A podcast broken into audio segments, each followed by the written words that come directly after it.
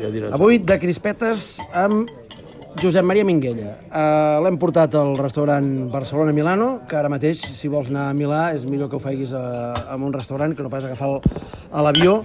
I uh, tenim moltes ganes de parlar del seu llibre, però sobretot tenim moltes ganes de parlar del Barça. Josep Maria, no són dies fàcils uh, pel culer. No, bueno, bona nit.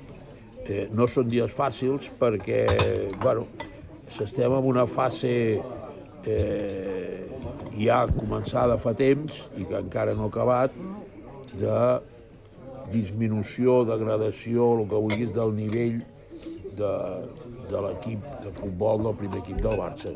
Això, no hi ha cap equip que hagi durat 20 anys. Això, això no existeix. Llavors els equips, club, eh, grups deportius, si no els vas canviant i amb èxit, que clar, canviar és dir, si poses un de pitjor tampoc funciona, si poses això, al final aquells equips es van deteriorant. I el Barça eh, és el que està passant, des de fa temps, juguen els mateixos jugadors i els que han vingut no han aportat quasi bé res, vull dir, vull dir. I llavors d'això què passa? Que vas baixant de rendiment. Vull dir, els noms són els mateixos, però el rendiment conjunt és menys. I tenim, hi ha dos exemples al futbol europeu dels últims anys, que són el Manchester United i el Milan. Dos grans noms, amb grans, amb grans eh, campionats, champions, lligues locals i tot això, i grans noms que van fer o van patir aquesta cosa de deixar fer a massa jugadors massa grans, massa veterans, eh, quan, va, quan el Ferguson es retira el, el United té el, el, el Giggs amb 38 anys, té el Ferdinand, té el, el Schultz, té el, bueno, tot, el Neville, tota una sèrie de jugadors que estan en, en la fase final. Llavors, què passa? Que, que aquests jugadors s'entenen d'anar, se'n van, els tens de substituir, són molts diners, no acertes, i llavors, per exemple, el, el, el United, no sé si fa 5 o 6 anys que no es classifica per la Champions. I el Milan, de, dels Van Basten i dels, i dels Savicevic i dels Boban i d'enormes jugadors, eh, no es classifica ni per Europa. I és el Milan, i és el que té 6 o 7 Champions. bueno, això jo vaig avisar-ho fa dos o tres anys, cuidado que anem amb aquesta línia, no sé si algú, algú va escoltar, perquè tampoc... Eh, però el que sí que és evident és que el Barça ha fitxat jugadors. I ha fitxat de manera molt, molt discreta, per no dir equivocada. La prova és que els últims 4 o 5 anys el Barça deu ha fitxat 22 o 23 jugadors pel primer equip i n'hi han 3.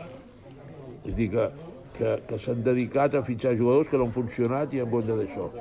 I començant per l'Arda, que encara no fa 5 anys, l'Àlex Vidal, el Dinye, el, el, aquell, aquell que està, al, com se diu, l'Alcácer, eh, aquell portuguès que està a l'Everton, centrocampista. André Gómez. André Gómez. Eh, bueno, i així es podríem anar dient, has fitxat i no en tens cap. Que, I això, això ha arribat a culminar amb que fitxen, per exemple, el júnior,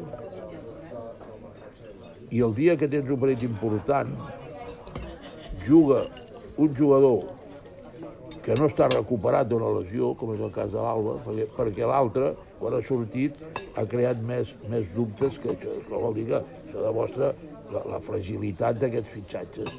Van fitxar fa dos anys un, un senegalès, que es diu Wabe o no sé què, i, i va arribar inclús a estar al primer equip del Barça, i resulta que, que Va fer un gol al Mundial. va fer gol, la, la, la, la gran explicació de fitxar-lo va ser que havia fet un gol al Mundial de Rússia. Bueno, està de suplent en un equip francès, em sembla, el Nice o no sé on.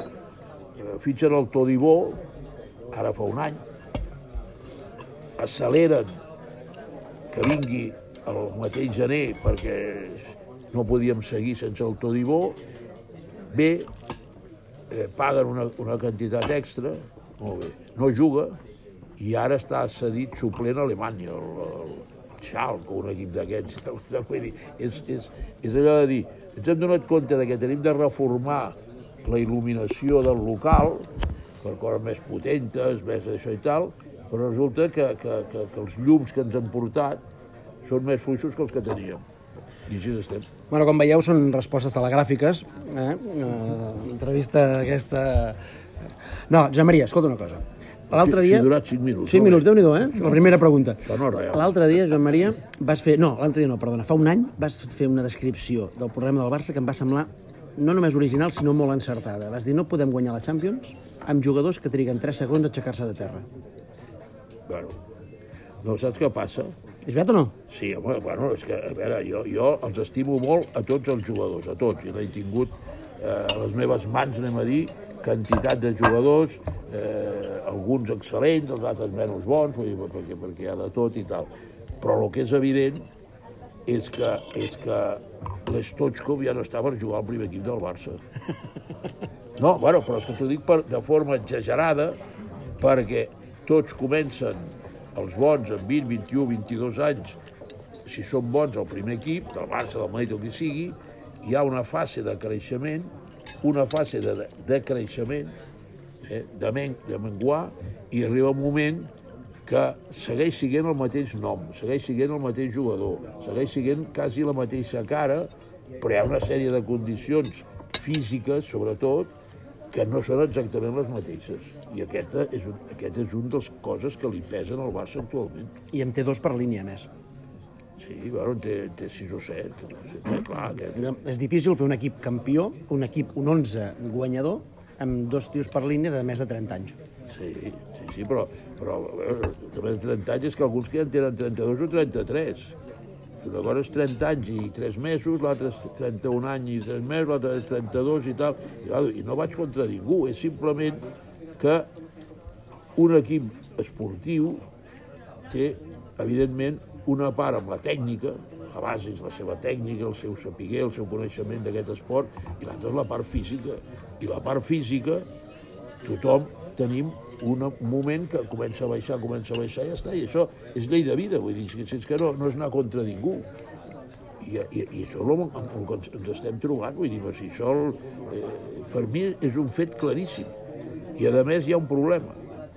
Quan tu tens uns jugadors que han guanyat molt, que han sigut uns èxits, unes estrelles, tot el que tu vulguis, molt temps amb un vestidor, arriba un moment que manen per sobre de qualsevol altre. No, no, manen, manen al club perquè, perquè els directius eh, eh, estan pendents de lo que fa l'equip, de lo que fan els jugadors, de com es troben, què diu l'entrenador i tal, i quan tu tens sis o set jugadors que han guanyat Champions, que han guanyat lligues, que, han, que aguanten aquesta frase del Piqué que l'equip aguanta la directiva, que això és molt, és molt discutible, però bueno, que d'alguna manera, eh, d'alguna manera és així, estàs en mans o als peus d'aquests jugadors i llavors arriba un moment que no tens mando, que és el que li passa al Barça, que és el que va voler dir el, a la Vidal de forma desafortunada, perquè això es té d'arreglar dintre del club, no es té d'anar exposant per fora.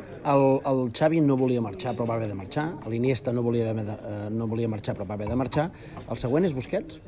No, però que no, no és un problema de voler marxar.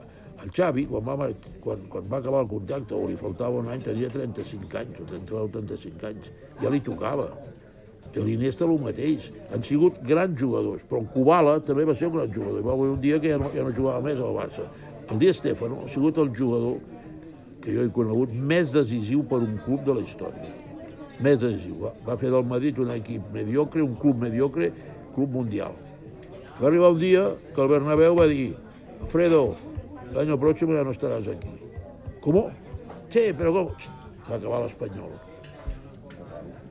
Passa res, vull dir, escolta, és que, és, que, és que si no encara jugarien tots aquests. I, i, i volguent molt a un jugador i a l'altre i a l'altre, agraint-li els serveis, tot el que tu vulguis. Però hi ha d'haver, en bé de l'entitat, que és realment el, el que amb els socis eh, ens interessa, el bé de l'entitat, i té d'haver-hi aquesta transformació, aquest canvi gradual, perquè si no, ara passarà una cosa, que un dia s'haurà de fer un canvi radical, amb la qual hauràs de prescindir de 3, 4 o 5 jugadors d'aquests que podíem dir, eh, abans li deien les vaques sagrades. Molt bé. Dos problemes. Liquidar aquests jugadors amb grans contractes que no els pot pagar ningú al món. Només els poden pagar el Barça. Liquidar-los, que vulguin marxar. Grans. Segon, substituir-los. Dificilíssim. No hi ha jugadors. El jugador de futbol no és com, com, com aquests plats, que diu, mira, s'ha trencat un plat. Bueno, escolta, porten un altre. I és pràcticament igual el que et porten. Jugador de futbol, hi ha els que hi ha al mercat, cada vegada hi ha més competència, i cada vegada hi ha més clubs que poden contractar jugadors, digue-li els, els inglesos, el Bayern Múnich, el, el Juve, eh, el Paris Saint-Germain, tots aquests que clubs abans no compraven a ningú, Inglaterra no, no entraven estrangers. Inglaterra no entraven estrangers. Ara està, hi ha més estrangers que nacionals allà. Eh, doncs tot això és una competència terrible per anar a buscar jugadors. Llavors, si la fàbrica de jugadors no es pot augmentar perquè hi ha els que hi ha, al moment que entres amb la dinàmica de que tens de fitxar 3, 4, 5 jugadors d'èxit, estàs perdut. Ni tens diners per fer-ho, ni hi ha jugadors per fitxar-ho. Uh, T'he llegit, no sé si aquest matí o ahir, al Mundo Deportivo, que deies que la solució és fàcil. Fitxar bons jugadors. Clar. Digue'm en tres. No, depèn de quin per quin puesto. Davanter centre. Bueno, davant de centre, doncs mira, un que es havia d'haver fitxat és aquest Haaland. Ah, és que tu tens d'anticipar. És dir, si, si el Barça va fitxar l'Estoig com amb 23 anys i va ser un èxit, és perquè va acertar, qui sigués, era jo, però bueno, és igual, qui sigués, fitxar el jugador Pam! molt oportú i tal, pam. No, no, no. No, No, coi, que si és així, és així. No, si jo m'hi dedicava a això, vull dir, però, escolta, i que si no em haguessin liquidat a mi. Entens? Per això és el mateix, és, dir, és totalment incomprensible. que hi- Stoikov li dius tu amb en Johan? Sí, sí, bé, no podien sortir. Quan jo parlo de l'Stoichkov, jo el firmo per mi, per la meva empresa i tal, per si després podien sortir al futur, ells no podien sortir. Estava prohibit que els, dels països eh, de l'est poguessin sortir els esportistes. No, no tenien permís per sortir. Bueno, però jo, com que el veig així, a veure, firmo ell, en firmo diversos. Firmo el Penev, el Costadino, el, jo què sé, l'Ivanov, el, La selecció. bueno, sí, Bàsicament. to- tots els que funcionaven, més o menys. Bueno, i, i, i llavors, Estava amb el Haaland, estava amb el sí, Haaland. llavors és totalment incomprensible que si ets un club de futbol professional amb un pressupost important, hi hagi un jugador de 19 anys que en una primera fase de Champions faci 8 gols i que tu necessitis un nou de futur i no et gastis 30 o 40 milions per veure què passa. No dic que, que ve el Haaland aquí i és l'octava meravella, no, però tu eh, apostes una, me, una mica més cap al júnior, per dir alguna cosa, i a lo millor explota i d'això. I si no explota, el tindràs dos anys i el vendràs per lo mateix a Anglaterra. Llavors, si tens una estructura que es dedica a això, una estructura tècnica i tal, és totalment incomprensible que no ho faci. Cuidado, el Madrid també està al mateix puesto, eh? També, també li enxufen el Jovic i el Haaland està al mercat i se l'emporta el Borussia, que d'aquí un any el vendrà per més de 100 milions al Barça, al Madrid o a Anglaterra. Aquest tipus de coses són les que es tenen de fer. I el Lautaro et convenç?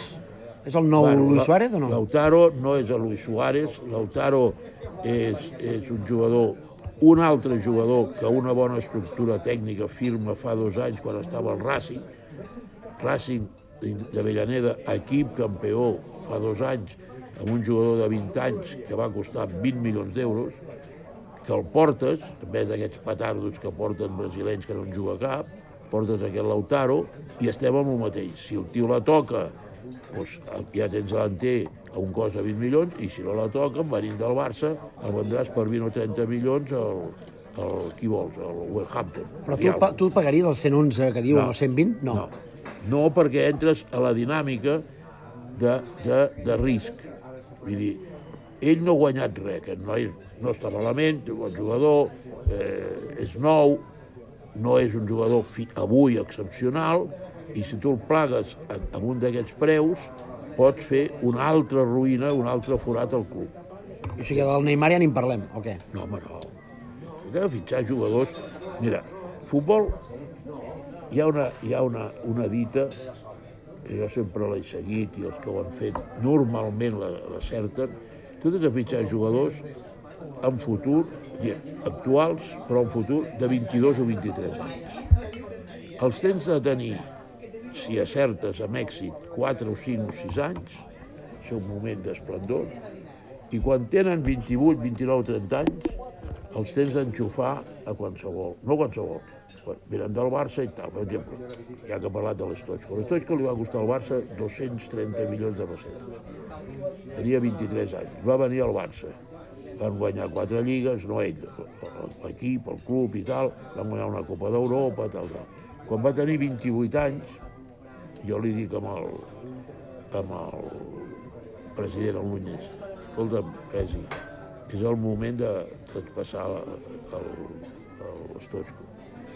I tu creus? Dic, sí, home, és el moment.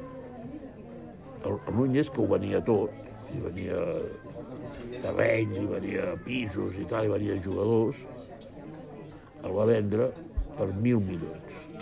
I l'operació Estoichko li costa al Barça 220, 230 milions de pessetes, el disfruta sis anys, o set. Els millors.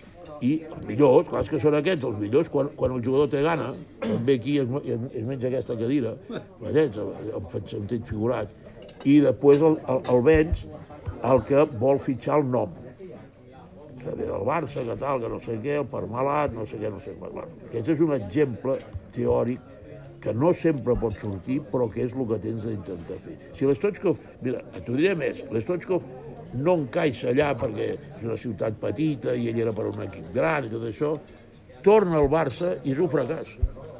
Va tornar. Va tornar. Mangal. Va estar un any i mig o dos i va ser un fracàs. fracàs. Ja no era l'Estochkov. Aquesta és la, la millor demostració i és un jugador amic meu, eh, un jugador meu, un jugador, tot el que tu vulguis. Però és que tots tenen, tots, tots tenen una pujada i una baixada i ja està, i tens de tenir professionalment el millor. I el Cristo ja li va anar bé perquè allà al Parma tenia un contracte que guanyava el doble que aquí. I que no el fots fora, vas a guanyar. I per aquest aspecte és com es té d'intentar, que moltes vegades no pot sortir, però tens de fer això. Hauríem... No, aquesta frase que jo he sentit als mitjans, que ve de, de la directiva, en aquest cas del Barça, aquest jugador no el podem vendre o no podem deixar que es vagi per tot el que ens ha donat. A veure, torna'm a dir. Ens ha donat? Què ha donat? Té un contracte, ha jugat, ha jugat molt bé, se li ha pagat molt bé, és tu m'has donat, jo t'he donat, i s'ha acabat, i quan, i quan s'acaba, s'acaba. Però aquí s'ha creat aquesta frase de que no se'n poden anar els jugadors. No tinc res contra ningú, eh? Estic, estic intentant, no ara, ja fa temps, intentar defensar el futur del Barça. Res contra ningú, però és que, és que jo he viscut des dels anys 50 que al Barça han arribat grans jugadors, la majoria han funcionat i després se n'han anat. I no passa res, el Barça segueix. Josep Maria, tinc la pregunta clau, A veure, però te la faré demà.